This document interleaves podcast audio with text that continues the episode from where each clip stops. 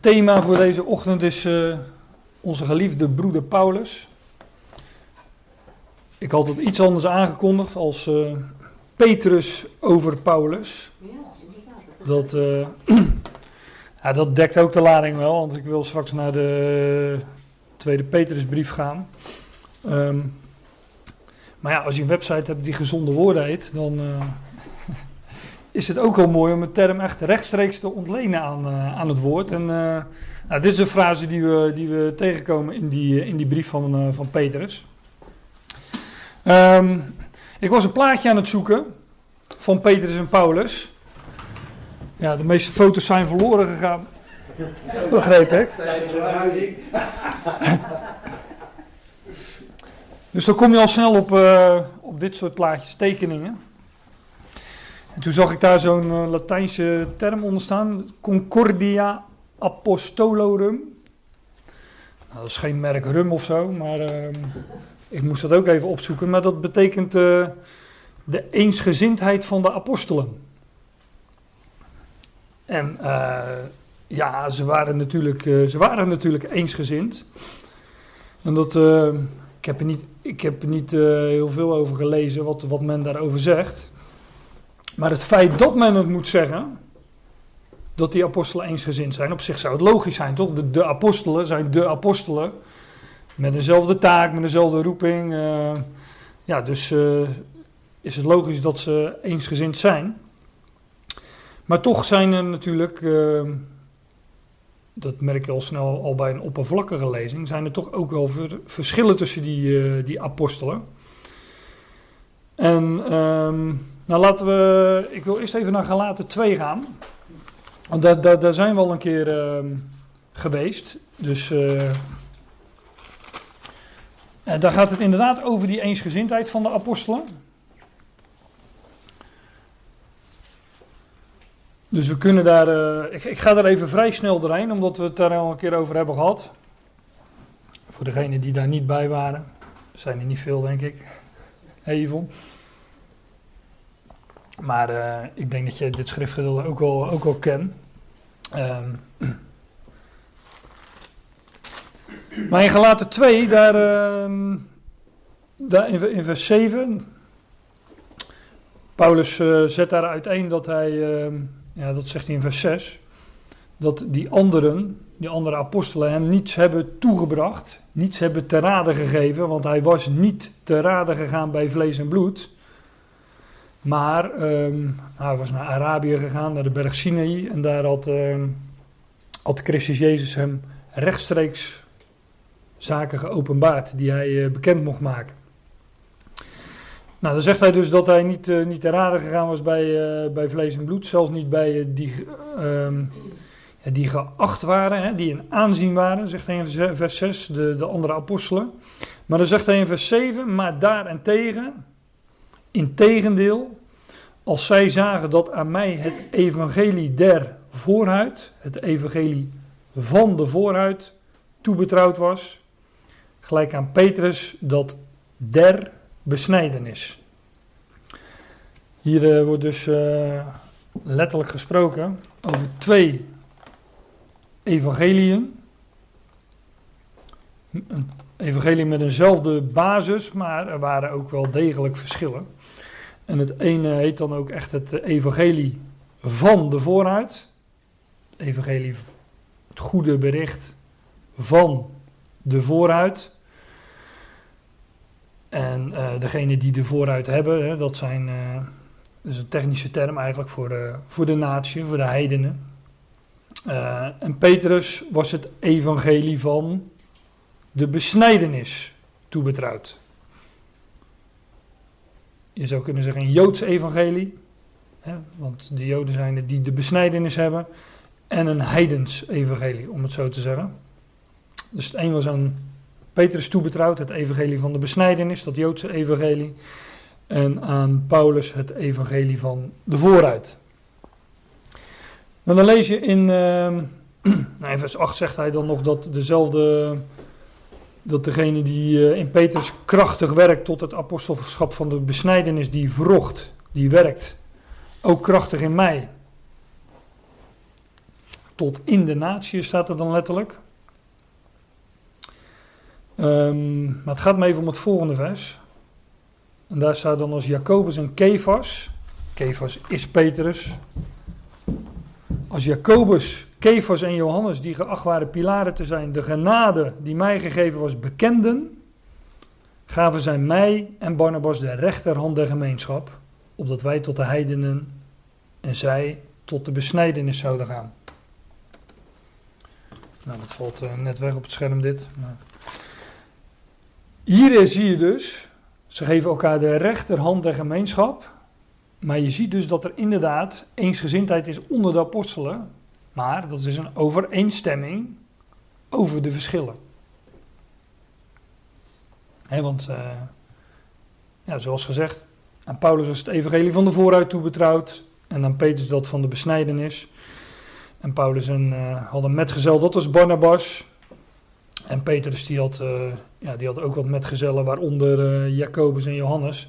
En zij waren apostelen van de besnijdenis.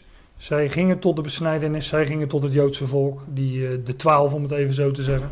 En Paulus, vergezeld door Barnabas, ging tot de natie. En ook met een andere Um, ook met een boodschap waarin toch wel wat, uh, wat verschillen zaten. Maar daar was overeenstemming uh, over. Nou, daar hebben we het volgende, vorige keren tamelijk uitgebreid over gehad. hoe Petrus met het evangelie van de besnijdenis ging naar dat Joodse volk. Eigenlijk was de boodschap, je vindt dat heel mooi samengevat in Handelingen 3. Um, dat wanneer Israël als volk, het Joodse volk als volk, tot bekering zou komen, dan zou de Messias terugkeren uit de hemel. En hij zou zijn koninkrijk oprichten. Hij zou namelijk alles herstellen waarvan de profeten gesproken hadden. Dat zegt Petrus in Handelingen 3, vers 19, 20, 21 is het ongeveer. Mooie samenvatting van dat evangelie wat Petrus en de twaalf uh, verkondigden. Maar Paulus bracht hem het evangelie van de vooruit dus los van besnijdenis en los van, uh, van werken. En Paulus wist al dat, uh, dat dat Joodse volk zich niet zou bekeren. Waar liggen de scharen? Die liggen bij het plakband. En jij weet wel wat plakband is, want daar loop je heel de dag mee. Alles wordt hier aan elkaar geplakt. De band des vredes, hè. Uh...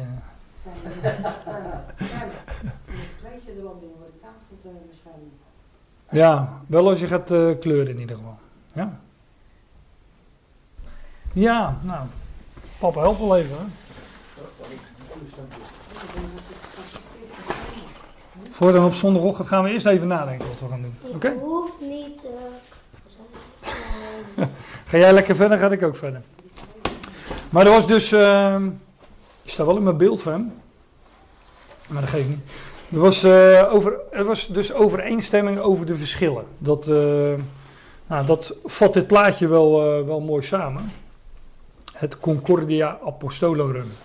We hebben weer wat Latijns geleerd ook deze ochtend. Heb je voor de rest niks aan, want waar spreken ze nou Latijn, denk ik dan? De paus. Ja, maar die zap ik meestal weg als hij voorbij komt. Dus.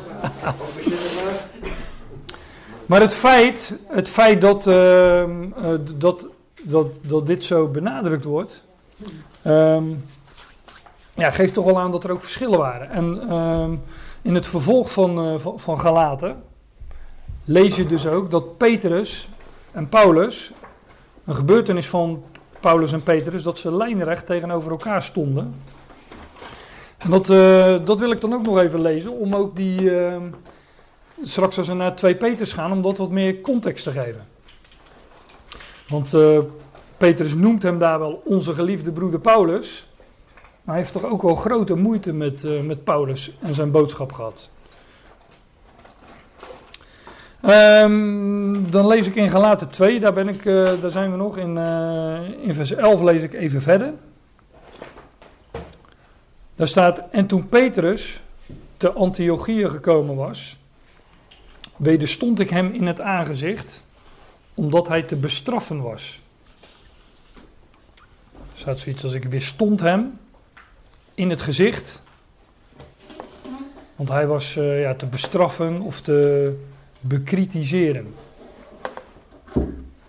Blijkbaar was er, eh, ja, er gebeurde dus iets waardoor eh, Paulus het recht had om, om hem te bekritiseren, inderdaad. Nou, waarom dat was, dat, eh, dat wordt hier, eh, hier uitgelegd. Want eerst sommigen, vers 12, voordat sommigen van Jacobus, en Jacobus was de leidende figuur van de, van de gelovigen in Jeruzalem. Jacobus zijn naam wordt verbonden eh, aan Jeruzalem, ook in, de, in het boek Handelingen. Want voordat sommigen van Jacobus gekomen waren, at hij mee met de heidenen. Hij at samen met de natieën, Petrus, in Antiochië. Maar toen zij gekomen waren, dus toen Jacobus en de gelovigen uit Jeruzalem eh, daar naartoe gekomen waren, at hij, eh, toen zij gekomen waren, ontrok hij zich. En hij scheidde zichzelf af, vrezende degene die uit de besnijdenis waren. Dus Petrus die was daar in Antiochië, at mee met de heidenen. Hè. Het, is een, eh, het is natuurlijk een, eh, een stad eh, onder de natie, Antiochië. En hij was daar, hij at met de natie, met, met, met, gewoon met, voor de Jood was dat natuurlijk, iemand die onder de Joodse wet leefde, was het verboden, want die moest kosher eten, mocht volgens mij ook niet eens met, met de heidenen aan tafel zitten. Andere volk, bij andere volken lees je dat ook. Je leest dat bij, bij Jozef ook, van de Egyptenaren, die niet met anderen aan tafel mochten zitten. Maar ehm, in Antiochië at Petrus aan één tafel met heidenen, met natie. Maar toen kwamen er dus Joden uit Jeruzalem, Jacobus en anderen. En toen ontrok hij zich en scheidde hij zich af en ging met Joden apart zitten aan tafel. Want hij vreesde, vrezende degene die uit de besnijdenis waren, staat er dan. Dan er, en ook de andere Joden veinsden, huichelden, staat er zelfs.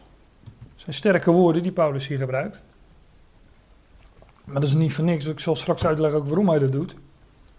Ook de andere Joden huichelden met hem. Alzo dat ook Barnabas mede afgetrokken werd door hun veinzing. Dus die andere Joden die daar al waren, blijkbaar met Petrus, die eerst dus ook met heidenen aan één tafel aten. Ja, toen de Joden uit Jeruzalem kwamen, toen stopten ze daarmee en ontrokken ze zich en gingen ze met die Joden aan één tafel zitten. En uh, ja, Paulus noemt dat huichelen. En hij zegt, ja, zoals Barnabas werd bijna meegeleid, nee, niet bijna, werd meegeleid in hun huichelarij. Dan staat er in vers 14, maar als ik zag dat zij niet recht wandelden naar de waarheid van het evangelie, en dat zij geen correcte houding hadden naar de waarheid, naartoe de waarheid van het goede bericht of het evangelie, zei ik tot Petrus in aller aanwezigheid, in alle tegenwoordigheid, in de tegenwoordigheid van allen, indien jij, die een Jood bent, naar heidense wijze leeft en niet naar Joodse wijze, waarom noodzaak gij de heidenen naar de Joodse wijze te leven? Als jij die een Jood bent, Petrus, naar heidense wijze leeft, hè, dus je hebt je eerst Um, je hebt eerst betoond dat je vrij bent van die wet en dat je met heidenen aan één tafel kan gaan zitten eten. Dus eerst, je, je, je bent een Jood die naar heidense wijze leeft. Die verschillen zijn weggevallen. Waarom noodzaak je nu? Waarom dwing je nu, staat er ook. Waarom dwing je nu de natieën zich te verjoodsen? te judaïseren. Dat, dat, dat, woord herken je hier nogal in het, in het Grieks. Wat Paulus hier zegt, hij zegt tegen Petrus van ja, wat jij nu doet, jij dwingt nu de, de, de heidenen, moet wel goed zeggen, jij dwingt nu de heidenen waar je eerst mee zat te eten, als zij nu weer met jou zouden willen eten, zouden zij zich moeten verjoodsen. Dan zouden zij um, moeten eten. En nou ja, dan moet je doortrekken ook natuurlijk. Want uh, als je A zegt, moet je ook B zeggen, maar dan zou je ook moeten laten besnijden, dan zou je de feestdagen moeten, moeten vieren. En dat is nou, dat is het hele issue van de Galatenbrief. Nou, laat ik in ieder geval zeggen, het is het hoofdissue van de Galatenbrief, het hoofdonderwerp. Die Galaten waren ooit gelovigen geworden door de prediking van de boodschap van genade. Door Paulus. Paulus was daar geweest. Hij had een boodschap van genade verkondigd. Ze hadden dat geloofd. Ze waren er dolblij mee. Ze zeggen, Paulus zegt zelfs, jullie waren zo blij dat Paulus had blijkbaar slechte ogen. Hij zegt, jullie hadden die ogen willen uitsteken en aan mij willen geven. Zo blij waren jullie met, uh, met de boodschap die ik, uh, die ik jullie had door mogen geven. En hij noemt nog wel wat dingen. Maar later waren daar blijkbaar leraren binnengekomen die zeiden van ja, je bent nu wel gerechtvaardigd. Door geloof. Het geloof van Christus ook nog, gaat het ook over in deze brief. Je bent nu wel gerechtvaardigd uit geloof. Maar als je nu als een rechtvaardige wil leven, ja, dan moet je wel de Joodse wet houden. En dan moet je wel uh, kosher eten. En dan moet je wel je laten besnijden. En dan moet je uh, feestdagen vieren. Er waren mensen binnengekomen met een ander soortig evangelie, zegt Paulus in uh, 1 vers 6. En hij zegt, ik verbaas me dat jullie zo spoedig je, ja, je haasten tot, tot een andere boodschap. Tot een evangelie dat geen evangelie is. Gerechtvaardigd, oké, zeiden ze. Als ik het samenvat. Maar je moet nu wel dit en dat besnijden, feestdagen. Dat vind je allemaal in, uh, voor degene die dat nog eens nauwelijks in 4, vers 9 gaat het, en 10 dan gaat het bijvoorbeeld over het onderhouden van dagen, maanden, een feest. En Paulus noemt dat de arme beginselen. Dat, als je daarna teruggaat, ja, dat is inderdaad arm. Je bent rijk, je hebt de geest ontvangen, je leeft uit genade. En dan komt er iemand binnen en die zegt van ja, maar nu, uh, je bent wel daar begonnen, maar nu moet je toch van alles om rechtvaardig te kunnen leven. Door wat Petrus deed,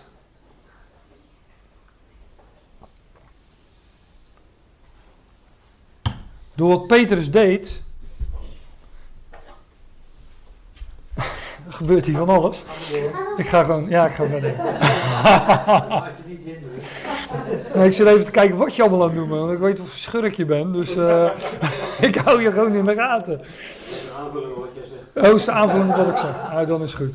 Kanttekening. Als het maar geen kritiek is, want dan kan ik niet tegen natuurlijk. Jawel hè. Nee, wat, wat, met wat Petrus deed, die, die, met, met wat Petrus deed, demonstreerde hij zelf de dwaling die Paulus de Galaten voorhield. Paulus legt heel de brieven uit, gerechtvaardigd zijn uit geloof.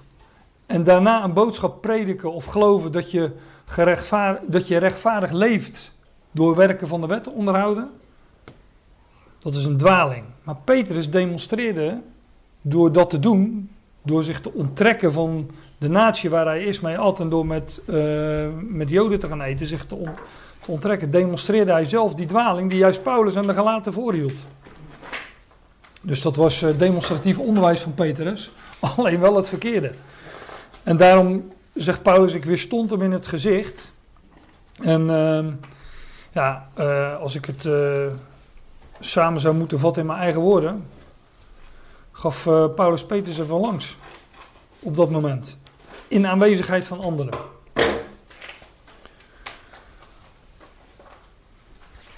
Nou, daar gaat dus de gelaten brief over. Je bent gerechtvaardigd uit geloof, door de geest, uit genade. Dan moet je niet uh, verder. Ja, je, je, dan, laat ik het anders zeggen, dan moet je niet verder door nu ook werken te gaan doen waardoor je rechtvaardig zou kunnen leven. Nee, je, moet, je komt verder door gewoon te blijven staan op die genade. Door te blijven staan in dat geloof. En je bent begonnen bij de geest, dus blijf ook bij de geest. Dat is wat Paulus in de gelaten brief naar voren brengt. En laat je besnijden, is Christus u niet nut, zegt hij in deze brief. Nou, dat is dus een, uh, een stukje geschiedenis van, uh, van Paulus en Petrus. die ik, uh, ja, waar ik toch even op wilde wijzen voordat ik naar Petrus 3 uh, ga. Dat, uh, maar dat gaan we nu. Dat is een is niet zo'n heel lang gedeelte in 2 Petrus 3.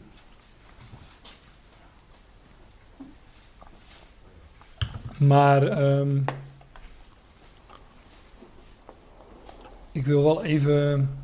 Nou, het is op zich wel. Het is bijna een heel hoofdstuk wat, eh, wat ik ga bespreken.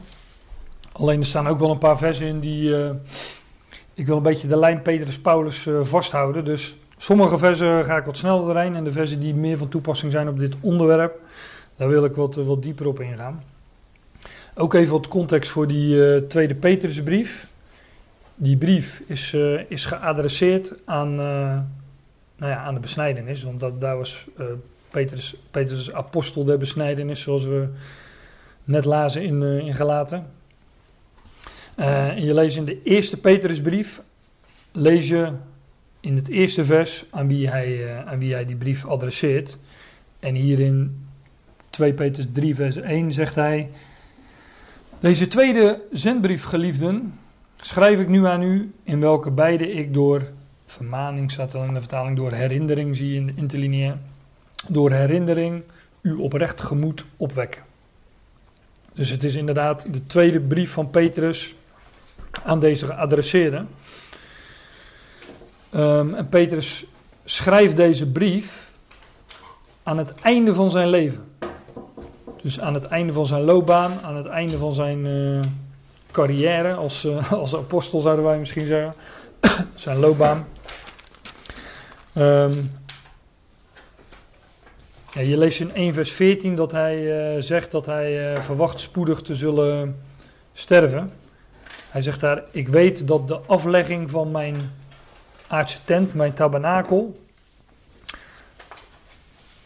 dat die haast zijn zal, dat dat spoedig zal gebeuren. Dat lees in 1 vers 14. En hij zegt ook in deze brief, dat is in 1 vers 13, dat hij het, zolang hij nog in dit lichaam is, in deze tent, dat hij zijn lezers, nee niet alleen zijn lezers, maar dat hij hun allen wil her- herinneren aan de dingen die hij naar voren had mogen brengen. Hij wil zijn, zolang hij nog leeft, hen herinneren en opwekken door, eh, door, ja, door het woord. En die, die, eh, dus omdat, omdat hij spoedig zou sterven, wil hij zijn lezers nog blijven attenderen zolang als hij leeft. Maar hij zegt ook, ik wil eh, deze laatste woorden en, en de andere geschriften, wil ik bijeenbrengen. Zegt hij in, eh, in 1 vers 15. Ik zal mij beijveren bij alle gelegenheid dat jullie ook nadat ik, ehm, na mijn uitgang noemt hij dat, na zijn sterven, dat zijn lezers nog steeds van die dingen gedachtenis mogen hebben. Nog steeds aan die dingen herinnerd zullen worden. Ja, en dat, eh, dat doe je, en wie schrijft die blijft, hè? Dat, dat, dat doe je dus door dingen op papier eh, te zetten. Tegenwoordig hebben we nog wat meer eh, middelen. Je begint een YouTube-kanaal en, en je, je, je neemt het op. Hoewel ik altijd toch het idee heb dat, dat wie schrijft langer blijft dan, dan de filmpjes van tegenwoordig. Want dat eh, is wat vergankelijker, heb ik het idee. Ehm, maar dat is dus ook de context van de brief. Petrus wist dat hij zou sterven. Hij is aan het einde van zijn leven. En ehm, hij heeft, en daar hebben we het ook een keer een hele ochtend over gehad. Hij heeft samen met Paulus, vooral met Paulus, zich beijverd om die geschriften bij elkaar te brengen. Eh, zodat de, zodat de, het nageslacht, hè, de, de nakomelingen, en, eh, maar ook ja, tot, tot aan ons toe, zodat wij een betrouwbaar woord hadden. ehm, bij elkaar, niet alleen geschreven, maar ook bij elkaar gebracht door de apostelen zelf. Nou, dat zegt hij allemaal in hoofdstuk 1. In hoofdstuk 2 eh, voorzegt hij een oordeel. Ik ga dat allemaal niet doorlezen, maar eh, lees dat thuis eens door. hij, Petrus voorzegt een oordeel in hoofdstuk 2. Dat oordeel is ook gekomen over eh, Jeruzalem. Hè, de tempel is verwoest in 70 na Christus. Dus deze brief zal hij, eh, ja, die heeft hij daarvoor geschreven in ieder geval. Petrus voorzegt dat oordeel. Ehm, en Petrus voorzegt dan in, in hoofdstuk 3, daar gaat eigenlijk hoofdstuk 3 over, dat de wederkomst van de Heer, dat die zou uitblijven. We weten uit handelingen, uit het begin van handelingen, ik haalde het zojuist al even aan, dat Petrus een spoedige verwachting, een spoedige verwachting had van de, uh, verwachting had van de spoedige wederkomst van de, van de Heer. Dat was ook de prediking aan Israël. Wanneer Israël zich als volk zou bekeren, dan zou de Messias terugkeren. En in handelingen 1 vers 6 lees je ook dat de discipelen, de apostelen aan, aan de Heer vragen. Heer, herstelt, herstelt u in deze tijd het koninkrijk aan Israël? En dan zegt de Heer, dat komt jullie niet toe, te weten de tijden en gelegenheden. Want het kwam ze op dat moment niet toe. Maar op dit moment dat Petrus dit schrijft, wist hij het wel. Toen wist hij het nog niet aan het begin van handelingen. Maar later aan het einde van zijn leven wist hij het wel, want dat schrijft hij namelijk hier in dit hoofdstuk. Hij wist dat de wederkomst van de Heer uit zou blijven. En hij wist zelfs hoe lang. En dat schrijft hij in dit hoofdstuk. Hoe lang dat nog zou duren. Maar we gaan gewoon het hoofdstuk lezen, dan komen we er vanzelf op. Deze tweede zendbrief, geliefde, schrijf ik nu aan u, in welke beide, dat beide staat er niet, staat schuin gedrukt in de Statenvertaling, in welke ik door herinnering, lees het allemaal gelijk goed, u oprecht gemoed, uw oprechte denkwijze opwekken, opdat gij gedachtig zijt aan de woorden die van de heilige profeten tevoren gesproken zijn, en aan ons gebod, die des heren en zaligmakers apostelen zijn. Lees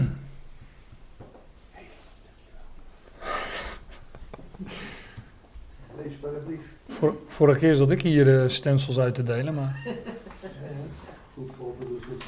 ja, inderdaad. Beetje goede teksten erop ook, hè, Fem? Schrijf alleen maar op. En dan, en dan, Ja. en dan, en dan, en dan is het heel kort. En dan, en dan heb je Ja, fijn. Dat is goed. Het is heel leuk. Ga even lekker zitten. Van de week krijg ik weer een berichtje uit Urk eh, dat ik eh, te streng ben voor Fem. Zo gaat het meestal. Eigenlijk moet het dus op video zetten. Dan, eh, dan, denk ik, dan denk ik dat ze vinden dat het wel meevalt. Nou, word jij? Hij willende zichzelf rechtvaardigen.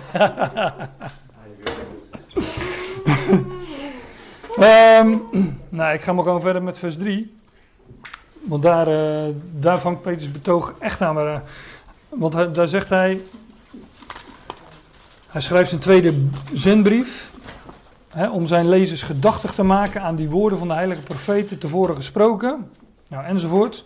En dan zegt hij: Dit eerst wetende. Dit vooral in de eerste plaats wetende. Oftewel, dit zijn, eh, dit zijn belangrijke woorden die hij hier gaat zeggen. Maar dat is ook logisch, want hij is aan het einde van zijn leven. Het is zijn eh, laatste brief. En het is ook nog eens het laatste hoofdstuk wat hij eh, schrijft. Dus ja, je kunt hier ook wel wat eh, belangrijke woorden verwachten.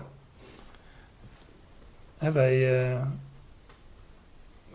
wij- geven ook altijd aan, wel aandacht aan nou, wat, wat waren zijn laatste woorden. hè? Eerste woordje is ook altijd leuk, maar dat is meestal papa of mama. Maar wat, wat waren iemands laatste woorden? Ja. Dit is wetende. Dit moeten jullie weten in de eerste plaats. Dit moeten jullie vooral weten. Dat in het laatste der dagen spotters komen zullen die naar hun eigen begeerlijkheden zullen wandelen. Dit is wetende, en dan staat er letterlijk op. Op laatste dagen, op laatste van de dagen. Nou, zo zeggen wij dat niet in het Nederlands. Maar ik denk dat dat gewoon betekent met het oog op de laatste dagen. Petrus dacht eerst, aan het begin van handelingen, dat hij, dat hij of in die laatste dagen leefde of dat die laatste dagen spoedig zouden aanvangen. Ehm, maar hier wist hij intussen dat het niet zo zou zijn. Dit is wetende dat met het oog op het laatste van de dagen spotters komen zullen die naar hun eigen begeerten, eigen begeerlijkheden zullen wandelen. eigen begeerten. Wat, wat, zijn dat begeerten? Dat zijn. eh, eens kijken hoe dat. Dat zijn. eh, ja, dat heeft met voelen te maken. Hè, begeerten. Met gevoelens. Dus hier waren spotters die naar hun eigen begeerten, naar hun eigen gevoelens, naar hun eigen ideeën eh, wandelen. Of zouden wandelen. Dus niet uit de schrift, maar vanuit eigen ideeën, eigen begeerten.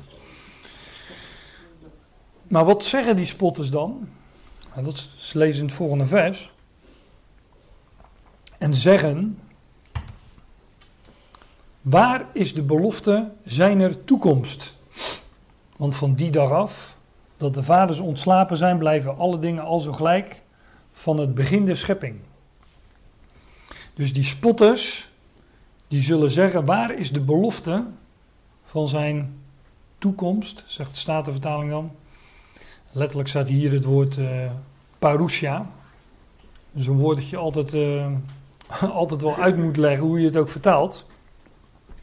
In de Statenvertaling is het vaak vertaald met toekomst. In de MBG volgens mij met komst. Of met eh, wederkomst wordt het ook wel eens vertaald. Daar gaat het ook over. Het gaat over de wederkomst van Christus. Waar is de belofte van zijn wederkomst? Zouden spotters gaan zeggen. Hè, wat Petrus. Petrus had de komst, de spoedige wederkomst van eh, de Messias gepredikt. Wel op voorwaarde dat het volk zich zou bekeren als volk. Maar er zouden de spotters komen die zeiden van ja, waar is, dan, waar is dan de belofte van die wederkomst? Letterlijk is dat woordje parousia zijn aanwezigheid. Eh, bij wederkomst denken we vaak aan één moment, hè, zijn komst. Wanneer hij terugkomt voor zijn volk Israël, zoals we bijvoorbeeld beschreven vinden in Zachariah 14. Dus zijn voeten zullen staan op de Olijfberg. Maar vanaf dat moment is hij aanwezig. Hè, zoals hij toen hij geboren, nou het loopt tegen kerst, zoals hij geboren, toen hij geboren werd in Bethlehem, was dat de komst van Jezus in het vlees. Maar onder zijn eerste komst rekenen wij de hele geschiedenis van zijn geboorte tot aan zijn dood. Dus dat, is ook zijn, dat wordt ook genoemd zijn eerste komst. Nou, zijn tweede komst is soortgelijk, dat is een periode. Die houdt in inderdaad zijn wederkomst en zijn aanwezigheid daarna. Waar is de belofte van zijn parousia, van zijn aanwezigheid? Want van die dag af dat de vaders ontslapen zijn, blijven al, alle dingen al zo gelijk van het begin der schepping.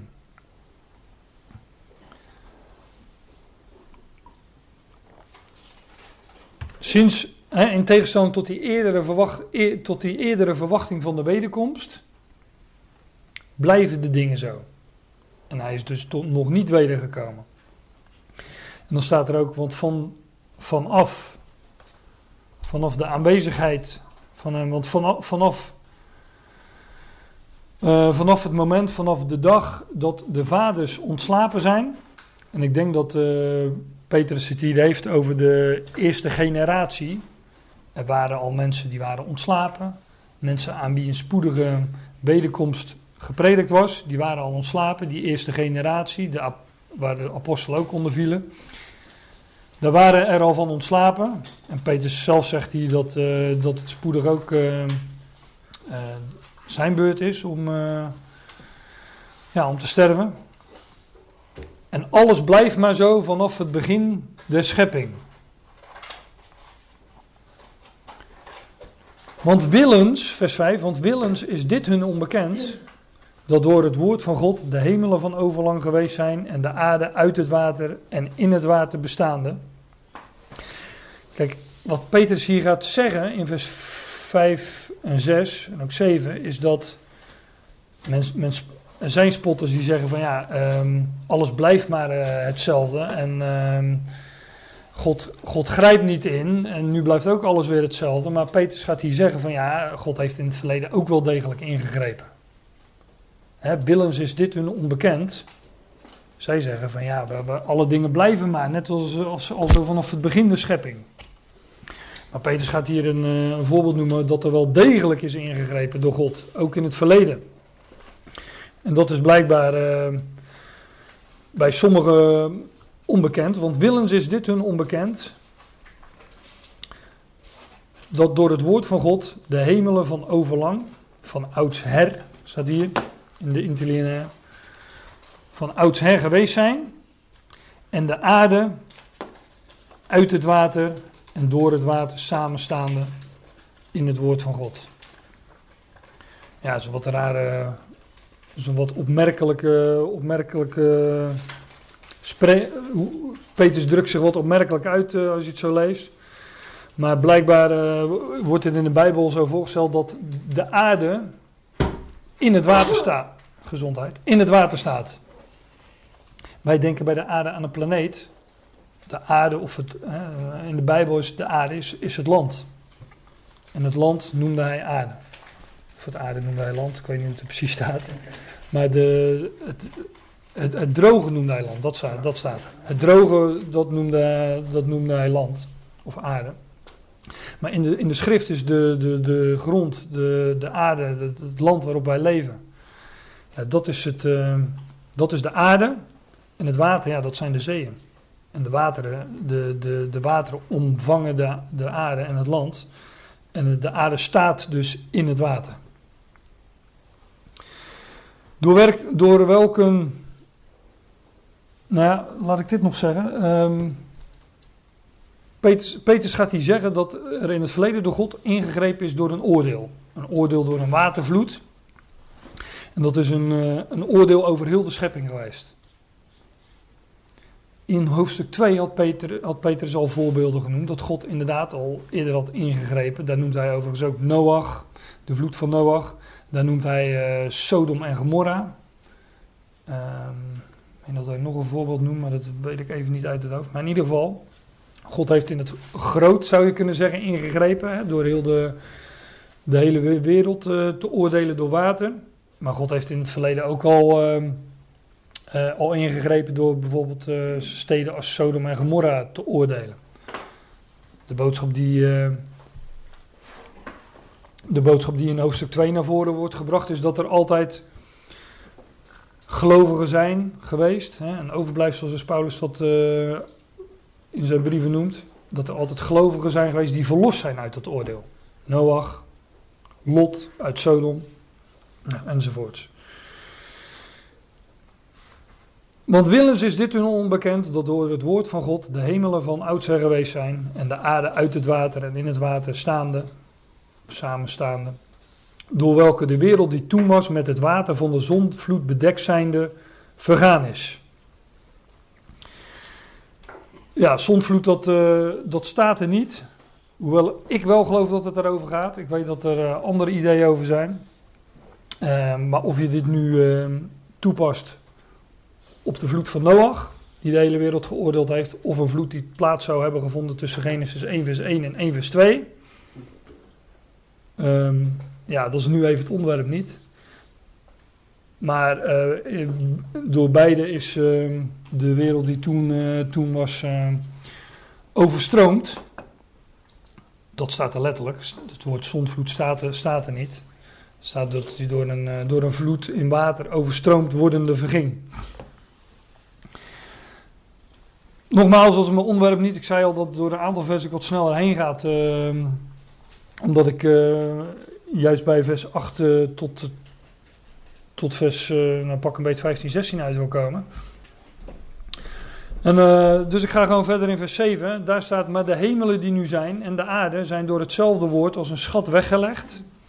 En worden ten vure bewaard tegen de dag des oordeels en de verderving der goddeloze mensen. Lees ik even verder in vers 12 en 13. Hier gaat het over in vers 7 over de hemelen die nu zijn en de aarde. Nou, dat, is de, dat zijn de hemelen en de aarde, waar, eh, de, de aarde waarop wij leven en de hemelen die nu zijn.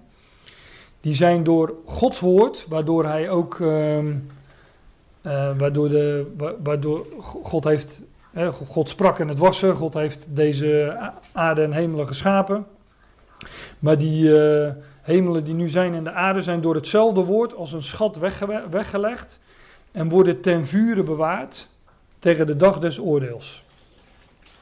Dus deze schepping, die zal geoordeeld worden door vuur. Deze oude schepping zal veroordeeld worden door vuur. Nou, dat lees je ook in vers 12 en 13. Dan lees ik dat eerst even.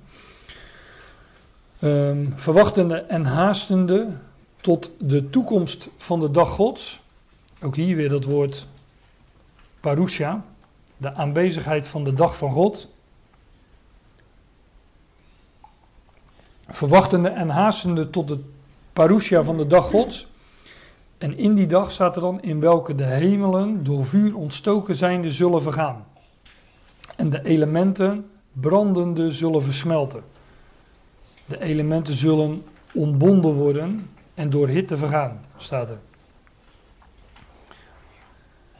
Maar wij verwachten naar zijn belofte nieuwe hemelen en een nieuwe aarde, in de welke gerechtigheid woont. Dus de, wat Peter hier zegt, is dat, uh, in, dat uh, ik vat het even samen, want we, daar komen we straks nog op. Die wederkomst blijft uit, maar God heeft, uh, God heeft gesproken, het zal gebeuren. En de hemelen die nu zijn en de aarde, die worden als een schat weggelegd, worden, worden bewaard en worden ten vure bewaard tegen de dag des oordeels. Deze oude schepping zal door vuur geoordeeld worden en zal inderdaad door vuur ontstoken uh, vergaan. En de elementen zullen brandende vergaan, zullen ontbonden worden en door hitte vergaan, staat, staat er dan in uh, vers 12. Maar er zullen nieuwe hemelen en een nieuwe aarde komen. Dat zegt vers 13.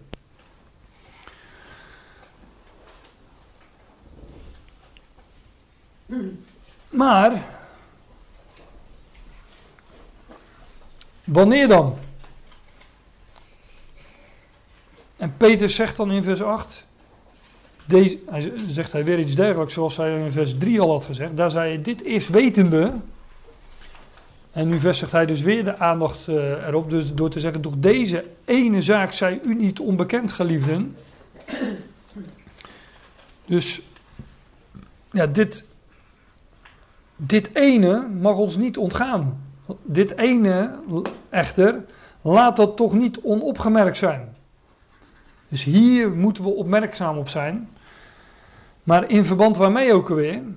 De vraag is, de vraag die Petrus zich stelde in vers 4, waar is de belofte van zijn parousia? Waar blijft dan die belofte van zijn wederkomst? Want ja, de, de, blijkbaar um, er zijn spotters die zeggen van dat alle dingen zo blijven en dat, uh, dat er maar niets verandert. Maar waar blijft dan die belofte van zijn wederkomst?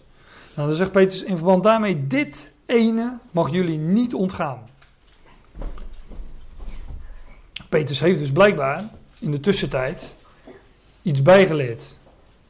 want in handelingen predikt hij de spoedige wederkomst van, uh, van de Messias. En hij heeft wat bijgeleerd. En ik, ik meen, dat zegt hij ook in dit hoofdstuk, meen ik, dat, uh, maar dat mogen jullie aan het eind uh, toetsen of dat werkelijk zo is, dat hij dat van Paulus gehoord heeft.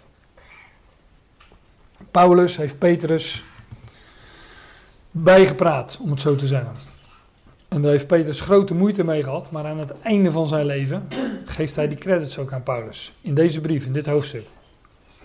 Dit ene mag jullie niet ontgaan, geliefden in verband met die parousia, in verband met zijn wederkomst, dat één dag bij de Heer is als duizend jaar en duizend jaar als één dag.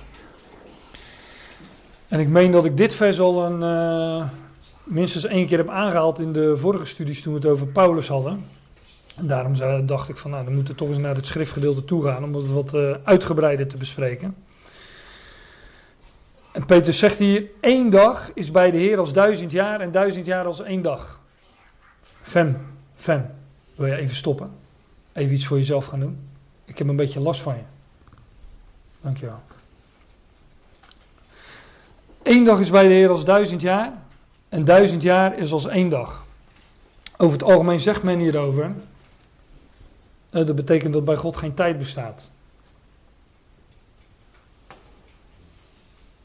Nou ja, hij heeft de tijden in zijn hand, hij heeft de tijden geschapen, hij heeft de ionen gemaakt door, uh, zo, zo vangt de Hebreeënbrief aan, dus ja. God overziet de tijden. Maar dat er geen tijd zou zijn bij, eh, bij God. Dat is, niet, dat is niet zo makkelijk hard te maken volgens mij. eh. En dan. eh, het, is, wat Petrus hier eigenlijk doet, is als je. Eh, één dag is bij de Heer als duizend jaar. En duizend jaar is als één dag.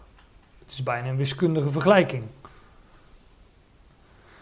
Kijk, als hij nou had gezegd, eh, één dag is bij de Heer als duizend jaar en, een, eh, en acht miljoen jaar is als één, als één uur.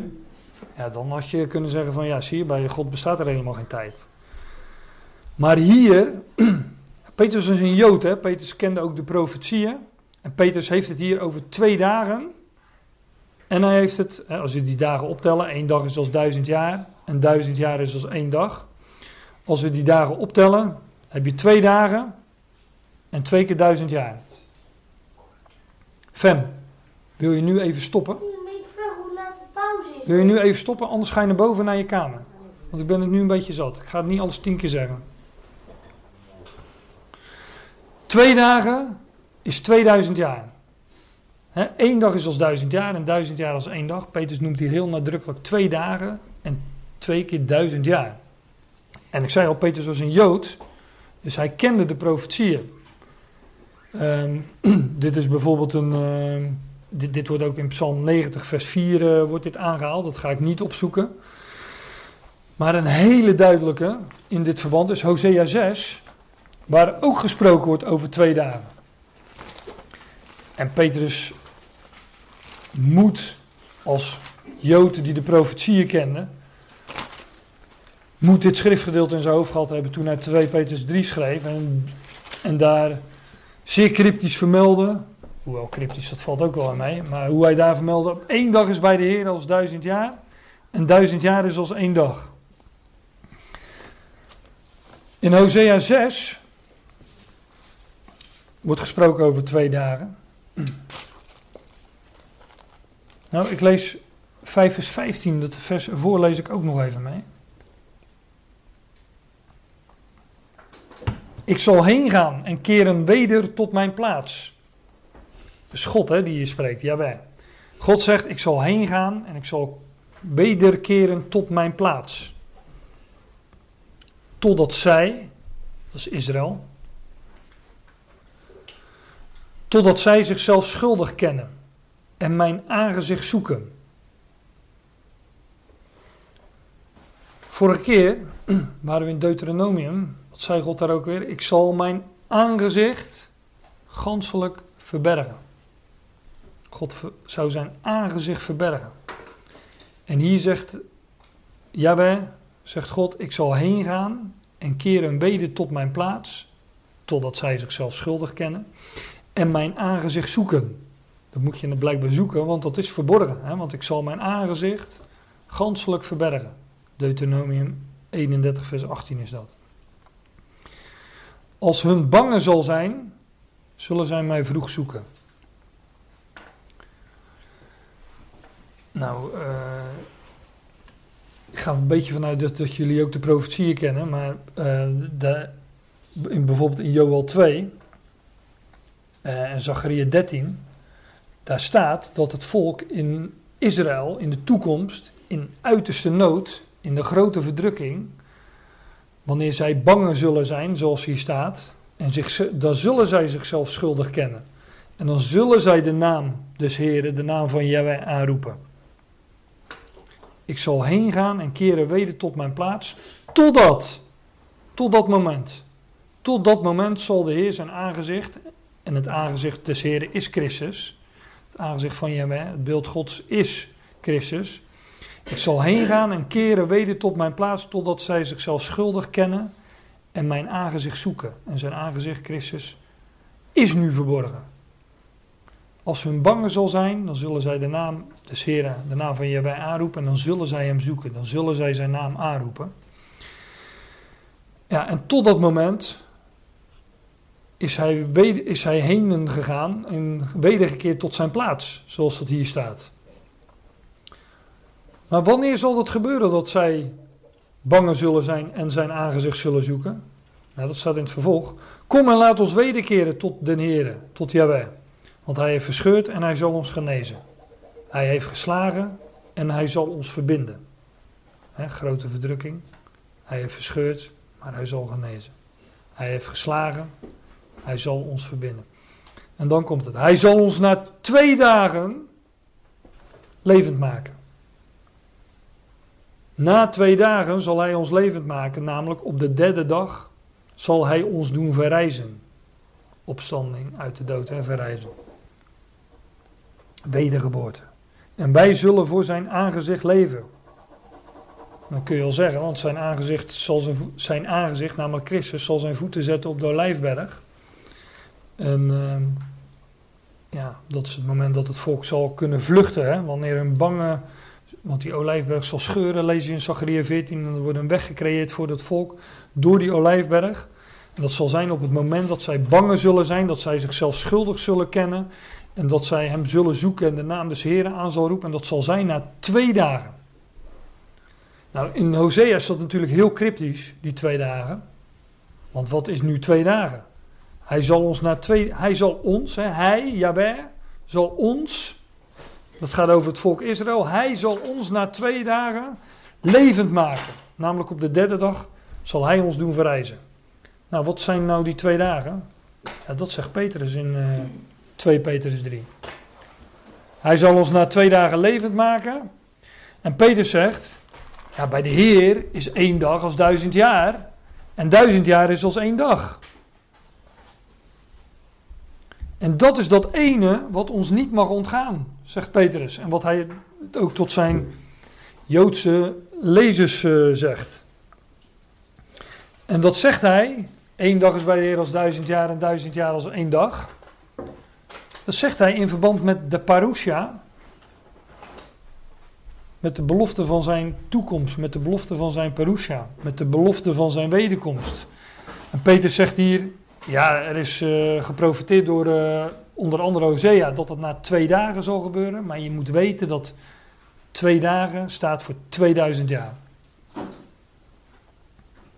De parousia zal plaatsvinden na twee dagen van duizend jaar. En dus op de derde dag, want zo rekent God.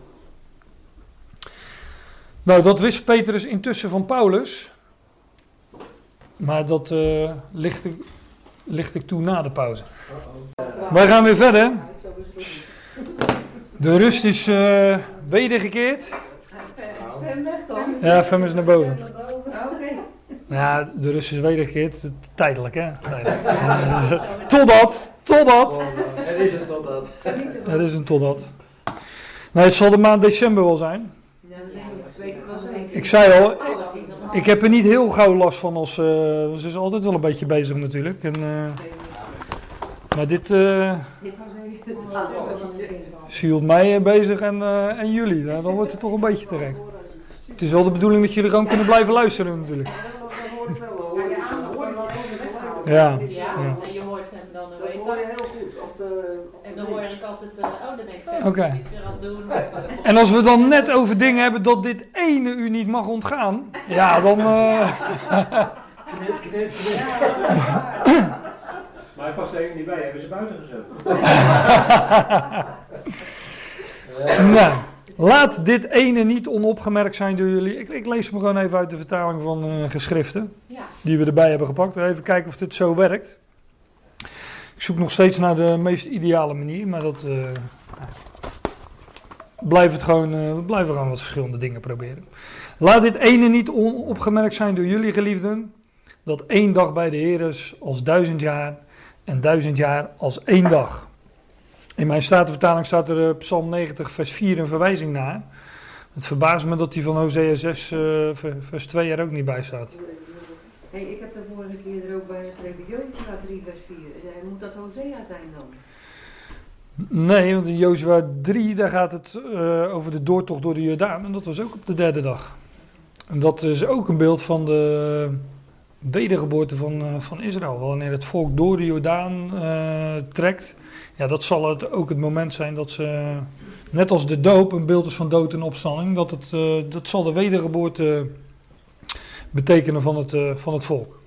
Maar daar hebben we het wel eens over gehad, dus dat, eh, ik ga dat nu ook niet opzoeken. Jens, wil je die deur dicht doen? Ja. Ga je even lekker boven zitten, Jens? Ja, Oké, Oké. helemaal goed. Goeie reis. mijn camera. Super. Doe jongen. Doei.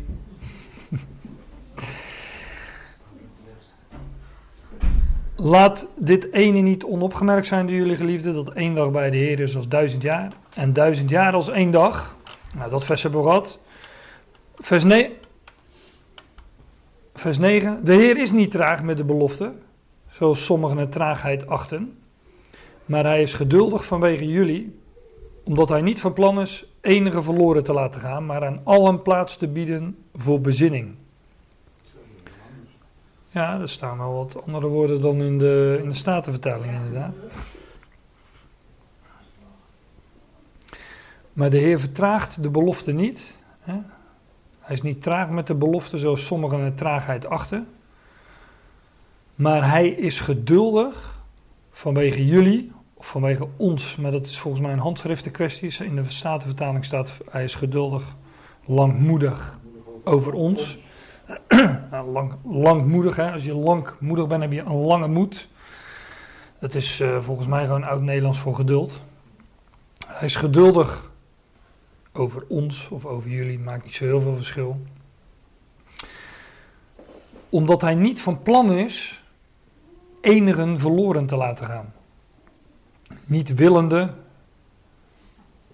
dat enigen verloren gaan, maar dat ze alle tot bezinning komen aan alle plaats te bieden, bieden voor bezinning.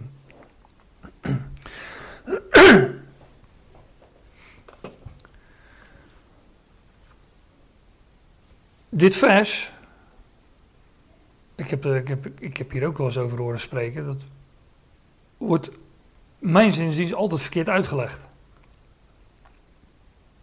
Kijk, als God, men zegt altijd ja,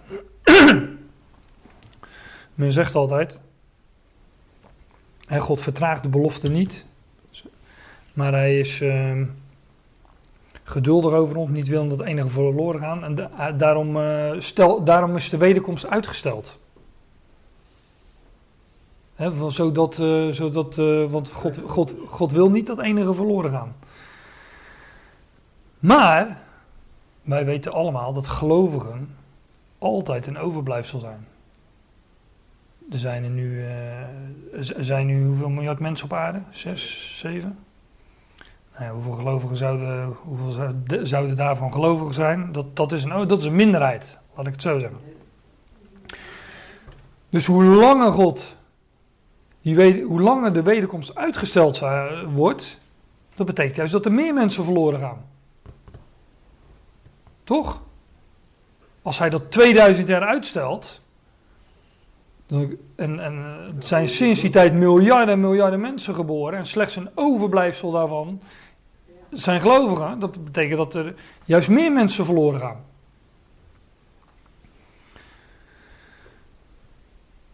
Peter zegt hier, God is geduldig over ons of vanwege jullie, omdat hij niet wil, niet van plan is, um, dat enigen verloren gaan.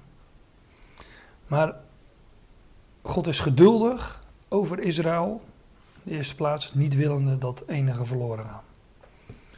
Nou, ik geloof dat ook Petrus hiervan door Paulus is onderwezen. Dan gaan we even naar uh, Romeinen 11.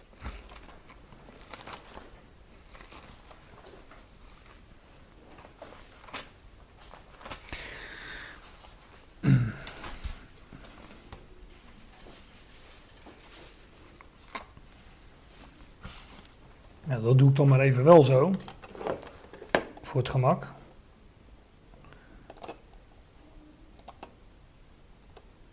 Anders zijn we wel heel veel aan het uh, heen en weer springen. Uh, Romeinen 11. Daar gaat het over Israël. En dan zegt Paulus, want Paulus is de schrijver, zo zeg ik dan, hebben zij gestruikeld opdat zij vallen zouden. Dat zij verre, mogen het niet worden, mogen het niet gebeuren. Volstrekt niet, zegt de MBG. Maar, do, maar door hun val, letterlijk staat het door hun misstap, Door hun misstap is de zaligheid, de redding naar de natie gegaan. Door hun misstap is redding naar de heidenen gegaan. Om hen tot jaloersheid te verwekken. Om Israël, dat is hen, tot jaloersheid te verwekken. Heeft Israël gestruikeld opdat zij vallen zouden? Hè, en, uh, nou, dat zij verder.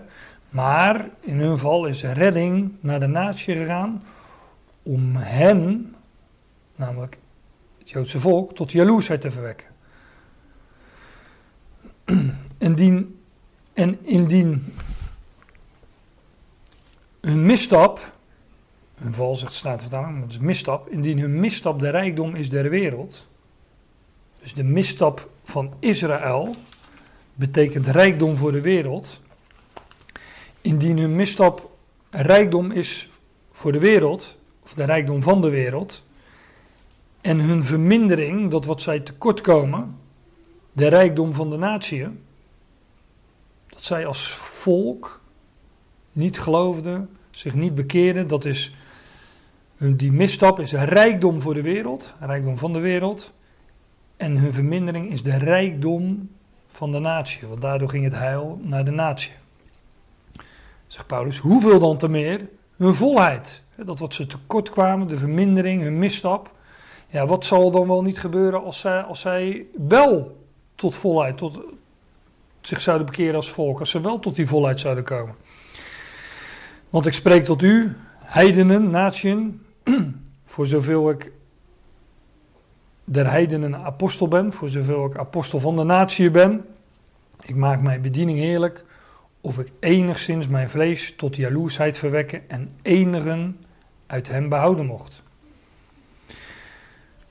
Paulus' bediening als apostel van de natieën, gericht op het Joodse volk, was bedoeld om enigen, dat zag, zag hij als de heerlijkheid van zijn bediening, om enigen van hen uh, te behouden, te redden. Want indien hun, vers 15, want indien hun verwerping, want indien hun verwerping, de verwerping van Israël, van het woord, de verwerping van de Messias, indien hun verwerping de verzoening is van de wereld, wat zal de aanneming wezen anders dan leven uit de doden?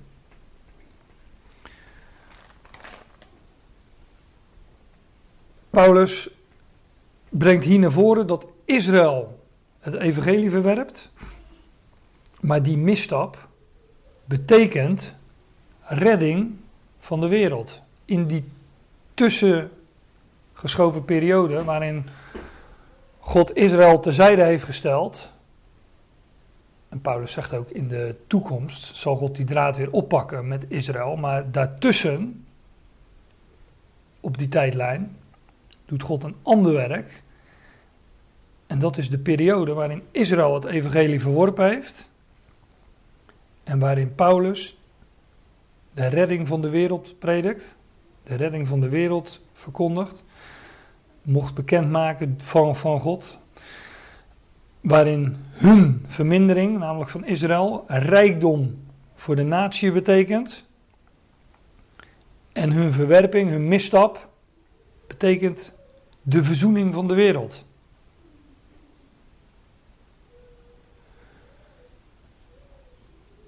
En Petrus noemt, ja, God is langmoedig over ons. Niet willende, niet van plan zijn dat enige verloren gaan. Maar dat is de boodschap van Paulus. Daar heeft Petrus het over. Eén dag is bij de Heer als duizend jaar en duizend jaar is één dag. Petrus zegt, nu verwerpt Israël weliswaar de Messias. Zijn Perusha, die zal komen, maar waar blijft de belofte van zijn Perusha? Nou, dat duurt twee dagen van duizend jaar. En in die tussentijd is de Heer langmoedig over ons en wordt de boodschap van Gods geduld gepredikt. En uh, hij zegt ook straks, wil je daar meer over weten, moet je bij Paulus zijn. Nou, en inderdaad, in Romeinen 11 uh, brengt Paulus dus naar voren dat de misstap van Israël redding van de wereld is, rijkdom van de natie en de verzoening van de wereld. Daar heeft Petrus het mijns inziens over als hij zegt, De Heer is niet traag met de belofte zoals sommigen dat traagheid achten, maar hij is geduldig vanwege jullie of vanwege ons, omdat hij niet van plan is enige verloren te laten gaan. Ja, en hun volheid, de aanneming van Israël in de toekomst, de aanneming van de Messias, wanneer zij tot volheid zullen komen, ja, dat zal zijn leven uit de doden, want dan zullen via Israël alle volken van de aarde gezegend worden. Nou, dat is dus Gods geduld, waarover Paulus het ook heeft in, uh, in onder andere Romeinen 11. Maar dat heeft hij het over in al zijn brieven. Dat zegt Peter straks ook nog. Maar ik zal, ik zal gewoon verder lezen, dan komen we daar ook nog op. Overigens, over eh, de, in de Statenvertaling, daar moet ik wel even op wijzen. Daar staat niet willende dat enige verloren gaan. Ja, nu zegt men vaak natuurlijk van ja, dat, dat wil God wel, maar uh, de mens wil anders. Dus uh, er, gaan, er, gaan, er gaan wel mensen verloren. En dat is ook de uiteindelijke stand van zaken. Er zijn een aantal behouden, maar er zullen heel veel verloren gaan. Het staat hier veel sterker. God is niet van plan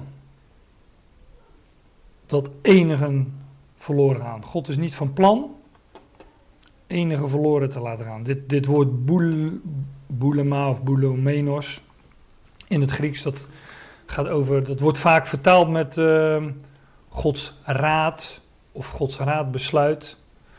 Um, Gods bedoeling, zou je het ook kunnen zeggen.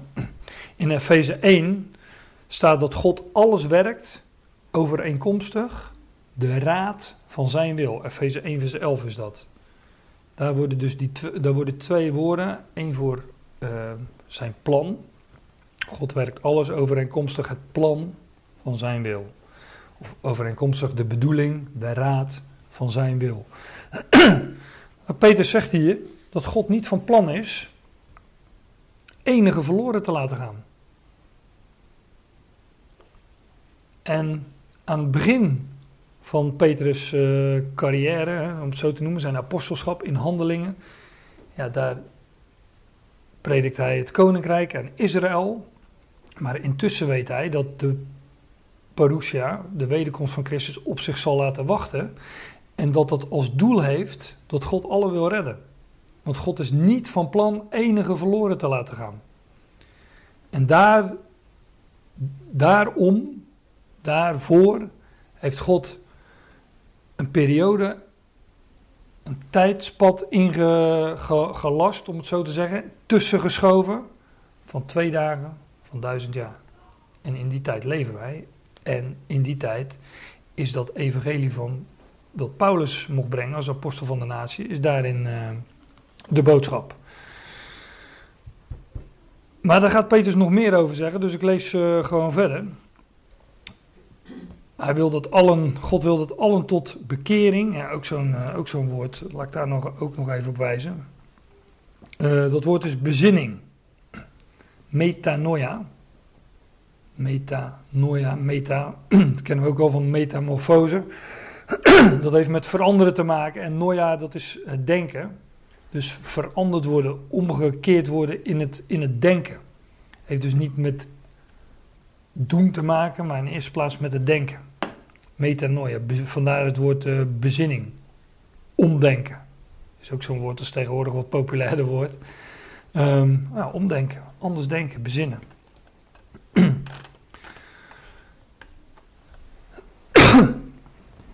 maar de dag des Heren, vers 10, de dag van de Heer zal arriveren als een dief.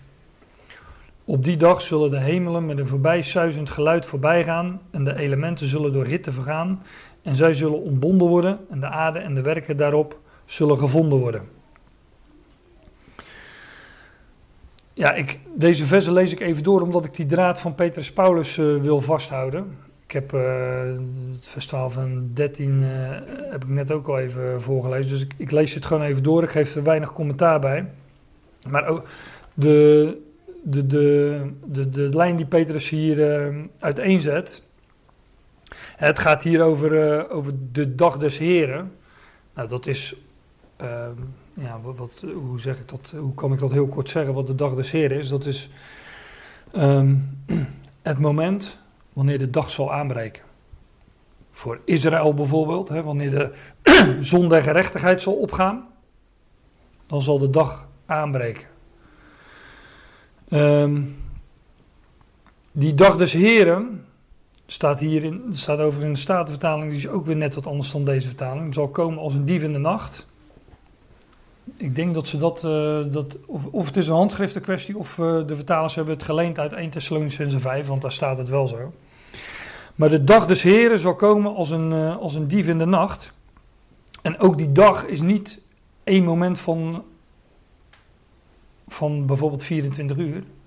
Maar zoals we net al lazen, een dag, duurt zomaar duizend jaar bij God. Dus deze dag des Heren spreekt ook van de duizend jaar.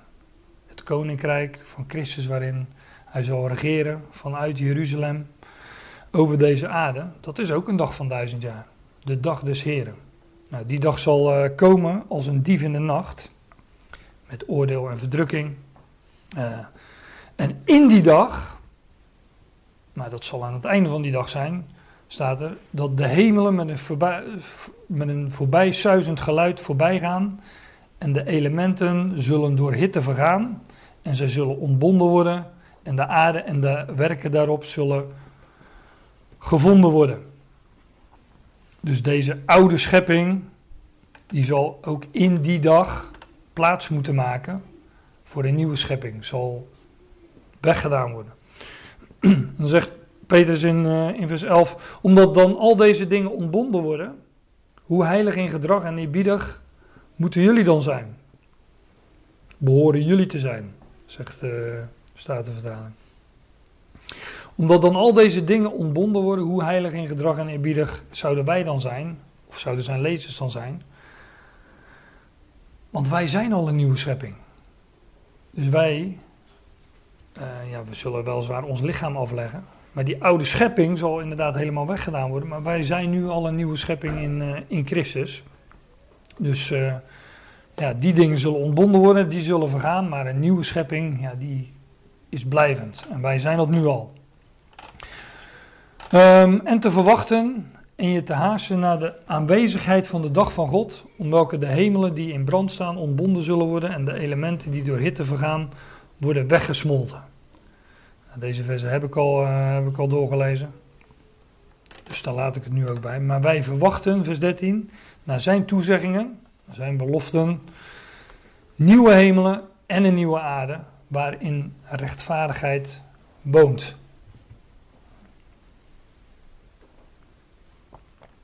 Dus er zal een, uh, deze oude schepping zal weggedaan worden en er zal een nieuwe hemel, een nieuwe aarde, een nieuwe schepping voor uh, in de plaats komen.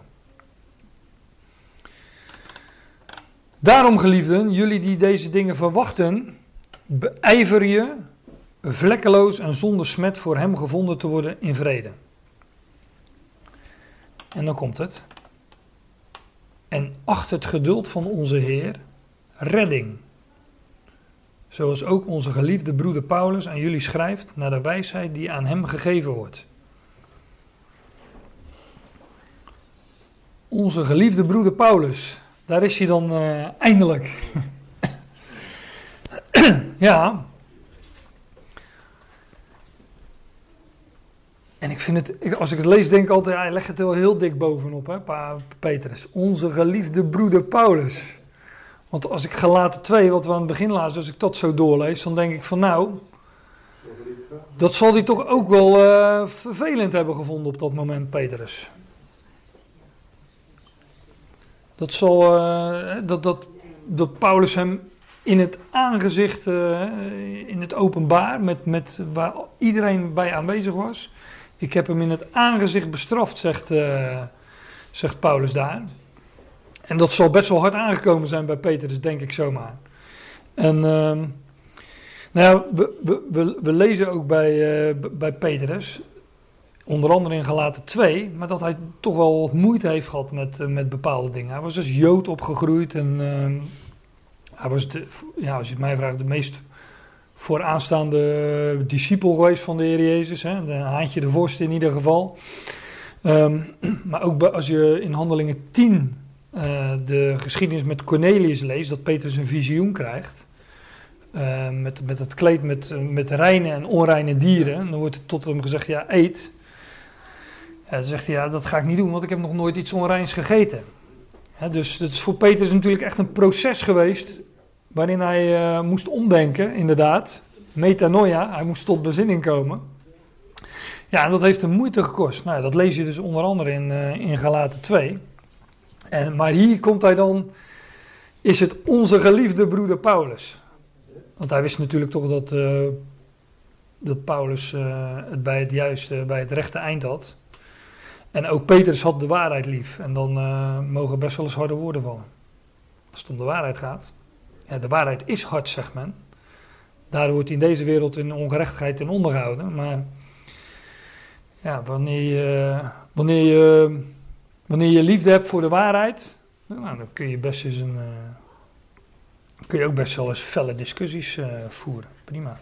Zolang het op inhoud gaat en uh, met liefde voor de waarheid. Um, nou, die, die discussies zullen zij dus ongetwijfeld ook gehad hebben. Maar Petrus zegt hier, acht het geduld, hè, die langmoedigheid, zoals de Statenvertaling dat zegt, die, dat, dat, dat geduld, waarover hij het ook al had in vers 9. Hè, de Heer vertraagt de belofte niet gelijk enige dat traagheid achter, maar hij is geduldig over ons, over, over jullie, omdat hij niet van plan is enige verloren te laten gaan, zei vers 9. En hier zegt hij, acht het geduld van onze Heer redding. Beschouw het geduld van de Heer, het geduld dat de Heer heeft met het uitblijven van de wederkomst. Beschouw dat als redding. Zo moet je dat zien, zegt Petrus. En dan zegt hij, zoals ook onze geliefde broeder Paulus aan jullie schrijft. Het is de boodschap wat, wat Petrus hier naar voren brengt in zijn laatste brief, in het laatste hoofdstuk, aan het einde van zijn leven, is de boodschap van Paulus. Dat de Heer geduldig is, want hij is niet van plan enige verloren te laten gaan. En hier zegt hij dan ook, beschouw het geduld van de Heer, acht het geduld van de Heer als redding. Zoals ook onze geliefde broeder Paulus aan jullie schrijft. Ja, de vraag is natuurlijk uh, uh, in welke brief is dat dan geweest? Want de, de, de geadresseerden van deze brief, dat zijn uh, gelovigen uit, uit Israël. Dus dat zou, dat zou, dat zou zomaar de Hebreeënbrief kunnen, kunnen zijn. Die ook aan Hebreeën is geschreven. En waarvan de schrijver zich niet bekend maakt. Maar uh, ja, ik vermoed, ik heb een sterk vermoeden dat dat toch de apostel Paulus was. Maar dat, ja, dat kun je niet hard maken, dat het, dat het Paulus geweest is. Dus daar houden we het maar bij. Maar dit is bijvoorbeeld ook een aanwijzing dat Paulus Hebreeën geschreven zou hebben. Ja, of, het moet, of Petrus moet het hier over een brief hebben die verloren is gegaan en die wij, die wij niet kennen. Want blijkbaar heeft onze geliefde broeder Paulus een brief geschreven aan dezelfde geadresseerd als Petrus. Nou, dat waren niet de Colossensen, dat waren niet de Efeziërs, dat waren niet de Romeinen. Nee, dat waren, dat waren uh, gelovigen uit de besnijdenis. Dus de Hebreeënbrief. Ja, of er moet nog een brief geweest zijn die, uh, die niet bewaard is gebleven. Maar ik houd het ook op de Hebreeënbrief, maar uh, ik zoek er geen ruzie over met mensen die er anders over denken. Maar wat Petrus in dit hoofdstuk naar voren brengt, dat God niet van plan is enige verloren te laten gaan, dat, de, uh, dat het geduld van de Heer met, met uh, dat, dat het geduld van de Heer dat in het uitblijven van die parousia, in het uitblijven van de wederkomst, dat het met het oog is op het geduld van de Heer, dat hij niet van plan is enige verloren te laten gaan. En dat het is met dat je dat moet beschouwen, dat geduld, dat het uitblijft. Niet als traagheid. En zoals die spotters dat zeggen van alles blijft maar vanaf het begin van de schepping en er verandert maar niets. Nee, het is geduld van de Heer, want hij wil niet dat enige verloren gaan. Je, mag dat beschouwen, zegt Petrus, als redding. Nou, dat is precies de boodschap van Paulus, die Paulus, onze geliefde broeder Paulus, in, ehm, in die twee dagen van duizend jaar bekend mag worden. En waarin ook de boodschap van zijn brieven, van de brieven van Paulus, waarin die leidend is, waarin, die, ehm, ja, waarin de, de apostel van de natie ons onderwijst. Acht het geduld van onze Heer redding, beschouw dat als redding, zoals ook onze geliefde broeder Paulus aan jullie schrijft, naar de wijsheid die aan hem gegeven wordt. Gaat nog verder. Zoals ook in al de brieven waarin hij over deze dingen spreekt. Dus Paulus spreekt in al zijn brieven van de dingen die Petrus hier naar voren brengt. Nou ja, dat eh, kun je wel zeggen. Maar Paulus spreekt in al zijn brieven van Gods geduld. Van Gods langmoedigheid.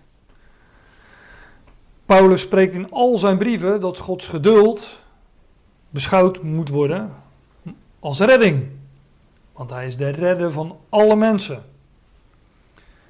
En Paulus schrijft in al zijn brieven dat God niet van plan is enigen verloren te laten gaan. Want Paulus' brieven spreken van de verzoening van het al, het heelal, de redding van allen, de rechtvaardiging van allen. Dat is de boodschap van Paulus. Nou, die, eh, dat wist Petrus blijkbaar hier aan het einde van zijn leven. En eh, hij zegt, ja, dat, eh, dat heb ik van Paulus. En als je er meer over wil weten, ehm, dan... hij heeft jullie daarover geschreven.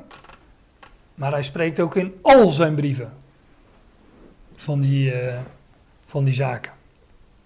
Oftewel, hij verwijst naar al zijn brieven, dus, dus blijkbaar ook wel eh, al eh, aan het rond gaan waren. Die circuleerden blijkbaar al die brieven. Ja, daarin zijn sommige dingen moeilijk te begrijpen, zegt Petrus. ja. En eh, dat wist hij natuurlijk als geen ander. Vandaar dat hij dat ook hier zo nadrukkelijk naar voren kan brengen. Ja, en eigenlijk eh,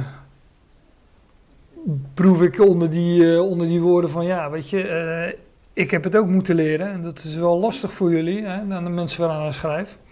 Maar pak zijn brieven er maar bij, want hij schrijft daarover in al zijn brieven, spreekt hij over deze dingen. Zijn, sommige dingen zijn moeilijk te begrijpen, zeker vanuit de positie van, van de Jood en vanuit, ja, zij waren anders opgevoed, opgegroeid. Zij hadden een andere toekomstverwachting altijd gehad. Ja, en daar was nu iets tussen gekomen, om het eh, dan nog maar een keer zo te zeggen. Maar Petrus erkent dat ten volle aan het einde van zijn leven, in dit hoofdstuk. Daarin zijn sommige dingen moeilijk te begrijpen, die de onkundigen en labielen tot hun eigen ondergang verwringen, evenals ook de overige schriften. Ja, onge, ongeleerd staat er geloof ik in de Statenvertaling. Ehm Ongeleerde. ja, de ongeleerde en onvaste. Maar je bent dus inderdaad onkundig als je ongeleerd bent. Ik bedoel, als je... Petrus had het ook moeten leren. En tot die tijd was hij daarin ook onkundig. Labielen.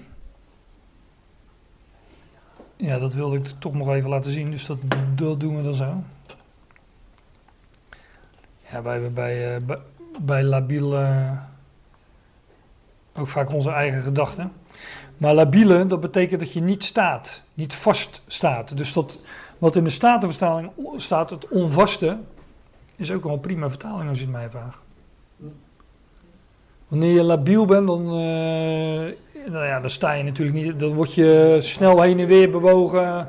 Vol- volgens mij gebruiken wij het vaak eh, met, met emoties. Nou, die is een beetje labiel. Hè? Dan, dan ben je vaak in, eh, in tranen of dep- depressief of dan ben je een beetje labiel. Dan, dan hebben gevoelens de overhand. Maar eh, Petrus, ja, die gebruikt het hier in een wat ander verband. Hè? Ongeleerd, dus je bent onkundig en dan sta je niet vast in, eh, in die dingen. niet standvastig. Hè? Paulus zegt ook vaak in zijn brieven: Weten jullie dan niet? Weet gij niet? Of, maar, of hij gaat van: Nou ja, maar jullie weten immers dat. En dan, eh, dan komt er weer wat van dingen die wij vaak niet weten, denk ik dan altijd. Weten jullie dan niet dat wij de wereld oordelen zullen? Of weten jullie dan niet dat, wij, eh, dat de heiligen zoals de engelen zullen oordelen? Nou, ik denk dat heel veel gelovigen dat niet weten, inderdaad. Nee.